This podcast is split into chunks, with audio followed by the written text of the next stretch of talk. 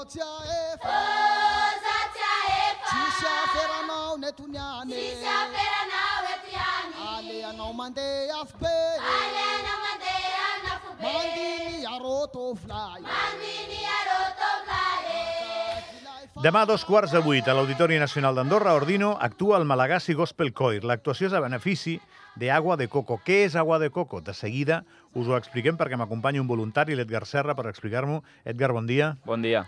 Quan em van dir que m'acompanyaria l'Edgar Serra, vaig dir, Edgar Serra, o sigui, aquest és el de l'handbol, evidentment és el de l'handbol, ve vestit de l'handbol. Sí, vaig vestit de l'handbol perquè després vaig anar a fer una, una classe i dic, bueno, m'escapo i així doncs expliquem una miqueta el que és, no?, a Agua de Coco. Va vestit de Hummel, Handball School, és l'escut que llueixes. Sí. Molt bé. Amb aquestes espatlles que Déu t'ha donat, que, que si no et va bé l'handbol, doncs una empresa de mudances de contracte aquest mateix matí. Això mateix. Escolta, i, i la connexió, explica-me-la, que me l'estaves explicant una miqueta abans, eh? Com, com va aquesta connexió? bueno, la connexió de Agua de Coco i Humble School va ser arren, arral, bueno, uh, en funció de que els meus jugadors doncs, tenien el Jonathan, uh, que és el, el president d'Agua de Coco d'aquí d'Andorra, i, i bé, vam, vam decidir doncs, fer, recaptar diners doncs, per, per poder-los enviar doncs, a, a Madagascar i, a més a més, doncs, també donar cabuda no? a, a que els joves d'aquí del país doncs, que també poguessin conèixer aquesta associació i que també poguessin conèixer un nou país i com viuen la gent d'allà. No? Llavors, bueno, l'any passat doncs, vaig tenir el privilegi de- d'anar-hi Mm -hmm. i allà, doncs, la veritat que em va cautivar doncs, tot el que està fent l'associació, no? perquè al final estan fent una, una gran tasca eh, general, és a dir, no només amb l'esport, sinó sobretot amb, amb l'educació, que és, el seu lema és que és el motor no? que, de desenvolupament. I el que fan doncs, és que la gent jove, sobretot nens, perquè allà doncs, amb edat de 6-7 anys doncs, ja estan treballant, doncs treure-los de... 6-7 anys? 6-7 anys. Jolín. Amb 6-7 anys ja, ja estan treballant en el camp o bé estan treballant a les mines de, de zafiros per buscar pedres precioses i tal. I, i bueno, al, al final el que fa la Fundació és que aquests nens doncs, els hi donen un lloc per poder-se desenvolupar, diguéssim, doncs, eh, de tot, socialment, musicalment, esportivament, i, i bé, a, canvi d'un plat de menjar eh, i una ampolla d'aigua al dia. Llavors, només amb aquests dos requisits, doncs, les famílies ja entenen que el nen és útil per anar a estudiar, no? I ja no cal que vagi a treballar i d'aquesta manera doncs, també treballant perquè no hi hagi explotació infantil. Bueno, això és molt trist. És molt trist, però és la realitat. Al final... Eh, el món és molt gran, és molt, Mhm. molt gran. A Madagascar ens sona una pel·li de dibuixos a les Sí, criatures. totalment. Jo al principi vaig dir, ostres, a veure si em trobo allà el lleó que parla, no? Això, ens, sona fins i tot idíl·licament, no? Un lloc que té un nom com, com que amb una èpica, un romanticisme, no? que està molt lluny, però no, allà viu gent i viu gent que té necessitats i per això, doncs, per sort, hi ha entitats que us encarregueu de posar el vostre granet d'arena, perquè al, fi, al final l'arena que poseu vosaltres no és tanta com la que necess es necessita, però bé, ajudeu. Sí, la veritat que sempre nosaltres ho diem, no? que des d'aquí, des d'Andorra, o bé des de Catalunya, o des d'Espanya, o des de la resta de, del món, no? doncs costa també treballar no? per sensibilitzar aquesta gent doncs, que, que la tenim lluny no? i a vegades ens oblidem de la gent més propera.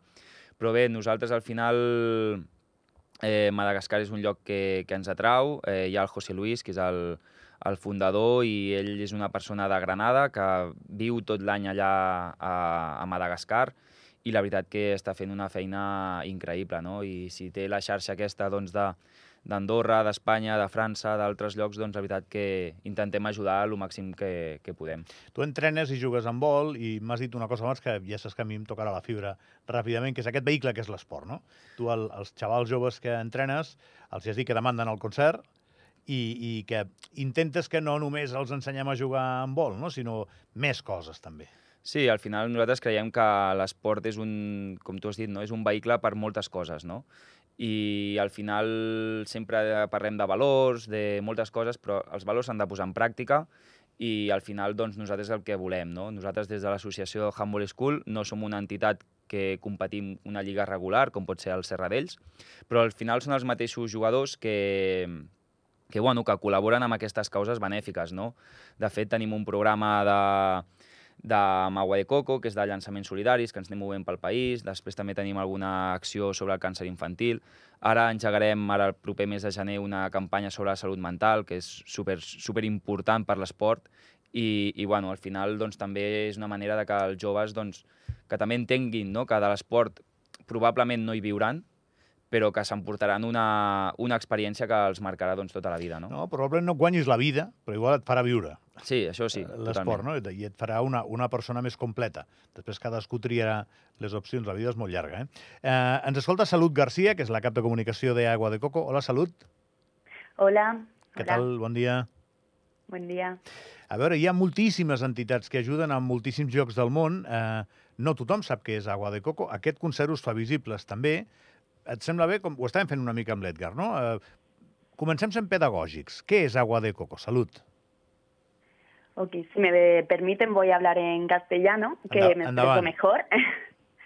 Eh, pues Agua de Coco es una entidad que, bueno, ya Edgar ha contado bastante de su labor, pero eh, bueno, cuento un poquito de su historia. Empezó en eh, 1994, cuando José Luis Guirao, el presidente y fundador, eh, llegó a Camboya para eh, apoyar en el área de veterinaria, que es su profesión.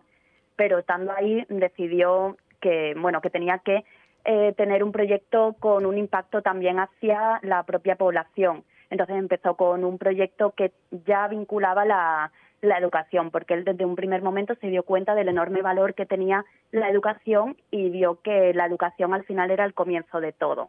Entonces, a partir de este proyecto en Camboya, en el que eh, se, al que seguimos apoyando, eh, estuvo, bueno, fueron surgiendo muchos otros proyectos en otras partes del mundo. Agua de Coco estaba en Ruanda, en Brasil y llegó ya hace 20 años a Madagascar, eh, en donde se instaló José Luis y donde ahí ya tiene a su familia y tiene un proyecto ya eh, pues vitalicio, ¿no? Y es donde tenemos la mayoría de nuestros proyectos. Actualmente tenemos 25 proyectos que sobre todo eh, se basan en, educación, pero la educación como herramienta para muchos otros ámbitos. La educación, pues, para la nutrición, eh, educación para valorar la defensa del medio ambiente, educación formal. Tenemos dos escuelas donde estudian entre las dos escuelas más de 2.500 niños y niñas de las zonas más desfavorecidas de eh, Tulear y Anzoamadiro y estas escuelas están situadas en zonas estratégicas donde hay mayor riesgo de explotación laboral infantil. Una de las escuelas está situada junto a unas minas de zafiro, que como ha dicho Edgar, es una de las eh, de los ámbitos eh, donde más trabaja la infancia en tema de extracción de minería de piedras preciosas, y otra escuela está junto a unas salinas, donde también hay bastante riesgo de explotación infantil. Hoy en día, cuando vas a esas zonas, ya es raro ver eh, a menores dedicándose a esto, porque justamente la escuela está ahí. Cada año intentamos abrir más plazas de la escuela gracias al apoyo de todas las personas, entidades y la red enorme que tenemos de agua de coco. Cada año intentamos que eh, expandir nuestros proyectos y que lleguen a más niños y niñas y mujeres y, y por eso hoy en día realmente si vas a esa zona ya eh, es raro ver esta, esta situación porque la mayoría de los menores de esas zonas están escolarizados. I teniu. I teniu un gran ambaixador, no, no crec que sigui l'únic, però és un dels millors, que és el Malagasy Gospel Choir, que, que gira de tant en tant i que actua i explica el problema, perquè al final, veient-los en acció, tu veus la feina que porteu fent des de fa no? O sigui, aquelles criatures venen d'allà. Eso es, la Malagasy Gospel es justamente eso, es un embajador. Al final Madagascar es un país muy desconocido, eh, sobre todo en España, es un país que está muy idealizado y que tiene una realidad social que, bueno, que nadie se imagina cuando no ha estudiado o no ha visitado el país. Entonces, la Malagasy Gospel es una manera de traer al público europeo y de otras zonas del mundo la realidad que se vive. Eh, además, la Malagasy Gospel eh, es un proyecto muy bonito porque lleva muchos años, han pasado muchas eh, niñas y jóvenes por este coro y mm, es un proyecto que engloba muchísimas de las áreas que tocamos. Eh, la educación, la educación artística, que también hemos visto que la educación artística es una es una herramienta, es un canal esencial para eh, empoderar a la infancia y sacar a los menores de todo tipo de situaciones de peligro, ¿no? Como la explotación laboral, explotación eh, sexual, eh, el abandono escolar. Entonces, esta, mm, eh, esta coral y otras muchas disciplinas artísticas que tenemos en nuestro centro de acogida socioeducativa y musical, CASEM, eh, pues es un vehículo para que eh, los menores tengan un ocio seguro, un ocio saludable y a su vez eh, para a través de la música contar al mundo cuál és su realidad. Salut, no marxis. I- Uh, Edgar, deixa'm plantejar un tema, ara, ara ho deia la Salut, i em sembla bastant interessant. Eh? Tu entrenes nens. Mhm, De quines correcte. edats, més o menys? Doncs mira, des dels 6 anys fins als 17. bueno, eh, un ventall d'esport de base quasi complet, eh? Sí. Estic pensant, aquests nens de 6 anys que tu entrenes, imagina't que l'endemà d'acabar amb tu a les 7 de la tarda d'entrenar no tinguessin els plans d'anar al col·le el dia següent, sinó que haguessin d'anar a treballar, que, que hi ha un tema que moralment sí que realment és qüestionable, eh? per acabar eh, ajudant en l'obtenció de pedres precioses que després nosaltres regalarem en forma d'anells de petició de boda, per exemple, eh? Eh, perquè la nostra vida sigui més xatxipiruli. Eh, però a l'inici de la cadena hi ha un nen de 6 anys. Hosti, és bèstia, això, eh? Sí, la veritat que és molt impactant, no? Al final, conèixer una altra realitat et, et suposa doncs, de dir, ostres, quina sort que tenim, no? I a vegades no som conscients d'això, no? De que som uns privilegiats, de que hem nascut en un lloc eh, que per sort doncs, ho tenim tot, que no ens falta de res, que podem obrir l'aixeta i surt aigua, que això allà a Madagascar, doncs, la veritat que, que no passa.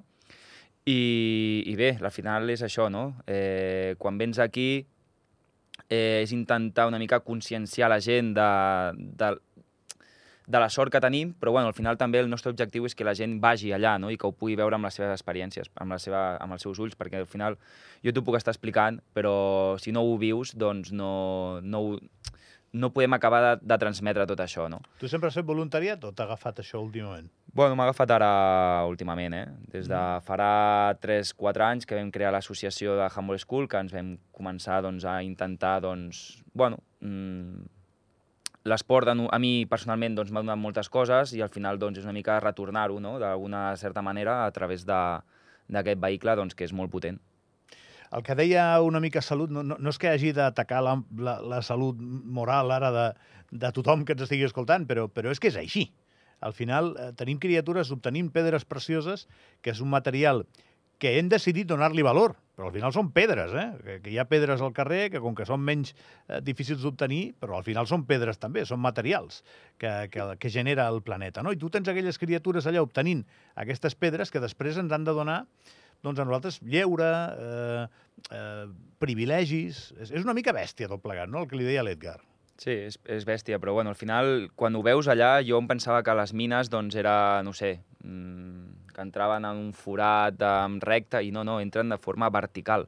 És a dir, Oh, fan, que han d'anar de tot, no? fan un pou, però res, ni pales ni res, és a dir, amb un pal van escarbant 30 metres cap avall i, i bueno, la veritat que... I els que deuen morir fent això. Bé. I, I les afectacions que té per la salut. El, el que et deia Salut, tu què, què em pots dir d'això? Pues sí, las minas de las minas de zafiro es que justamente es eso, ¿no? O sea, tienen eh, tienen una doble problemática. Eh, uno es el enorme peligro. Eh, muchas veces también se, re- que se recurre a que los menores trabajen en estas minas porque eh, el agujero que, mm, que cavan es muy eh, eh, es muy finito, entonces solo caben eh, menores y además al tener menos peso, eh, pues se decide que sean ellos quienes acceden a, a los agujeros. Entonces hay, hay, situaciones eh, pues de desprendimiento, de falta de oxígeno que acaban pues poniendo en peligro y bueno y acaba habiendo eh, pues muchas muchas muertes de menores en estas situaciones. Y por otro lado también eh, son minas a cielo abierto, eh, minas donde eh, cualquier persona puede ir para allá, abrir su agujero y empezar a buscar. Solo cobran, eh, solo reciben dinero por lo que encuentren. O sea, pue- mm, pueden ir para allá todo el día, no encontrar nada y entonces ese día no reciben dinero y ese día no comen, ¿no?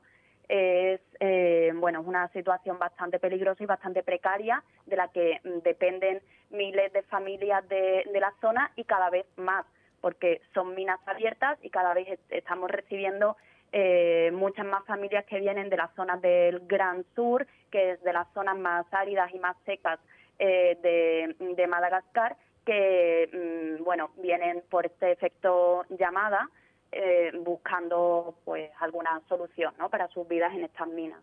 Bé, demà hi un concert. La gent que anirem al concert anirem a divertir-nos, i això és així. Pagarem una entrada i... Però està bé que haguem donat el component informatiu del motiu pel qual els diners que demà gastarem doncs, tindran un ús, que és ajudar a Agua de Coco Salut. Gràcies pel teu temps, eh? Gràcies. I, i Edgar, enhorabona per la feina que feu. Moltes gràcies. Avui la rebrem eh, amb els braços oberts i bé, marxaran diumenge. Faran per aquí a Andorra també una, un agraïment a tothom, no? perquè aniran a l'escola de secundària d'Ordino, també Molt aniran bé. a batxillerat i bé, la veritat que podrem conèixer-les. La delegació, quanta, quanta gent és? Són 15, Bueno, serà xulo això, eh? sí, sí, són 15 i, i bé, eh, hi ha molta gent darrere que està treballant, des d'aquí a Andorra, des d'Espanya, també des de Madagascar, que tenen la, la seu, i la veritat que, que bueno, molt agraït a tots els col·laboradors, eh, i res, a, disfrutar de, del concert a les set i mitja de la tarda. Molt bé, gràcies Edgar, que vagi molt bé. Nosaltres parem un momentet i, i de seguida cinema, vinga. Safera nawe tiani. Ale no mande aspe. Ale na mandea na fube. Mandini aroto fly. Mandini aroto flare. Kilai farando.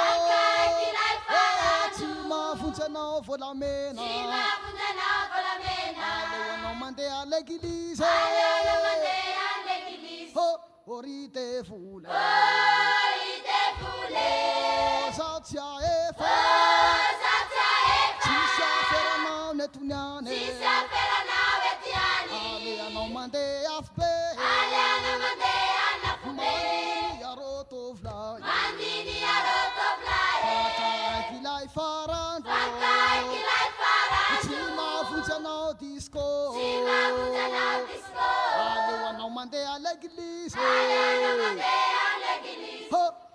تفولا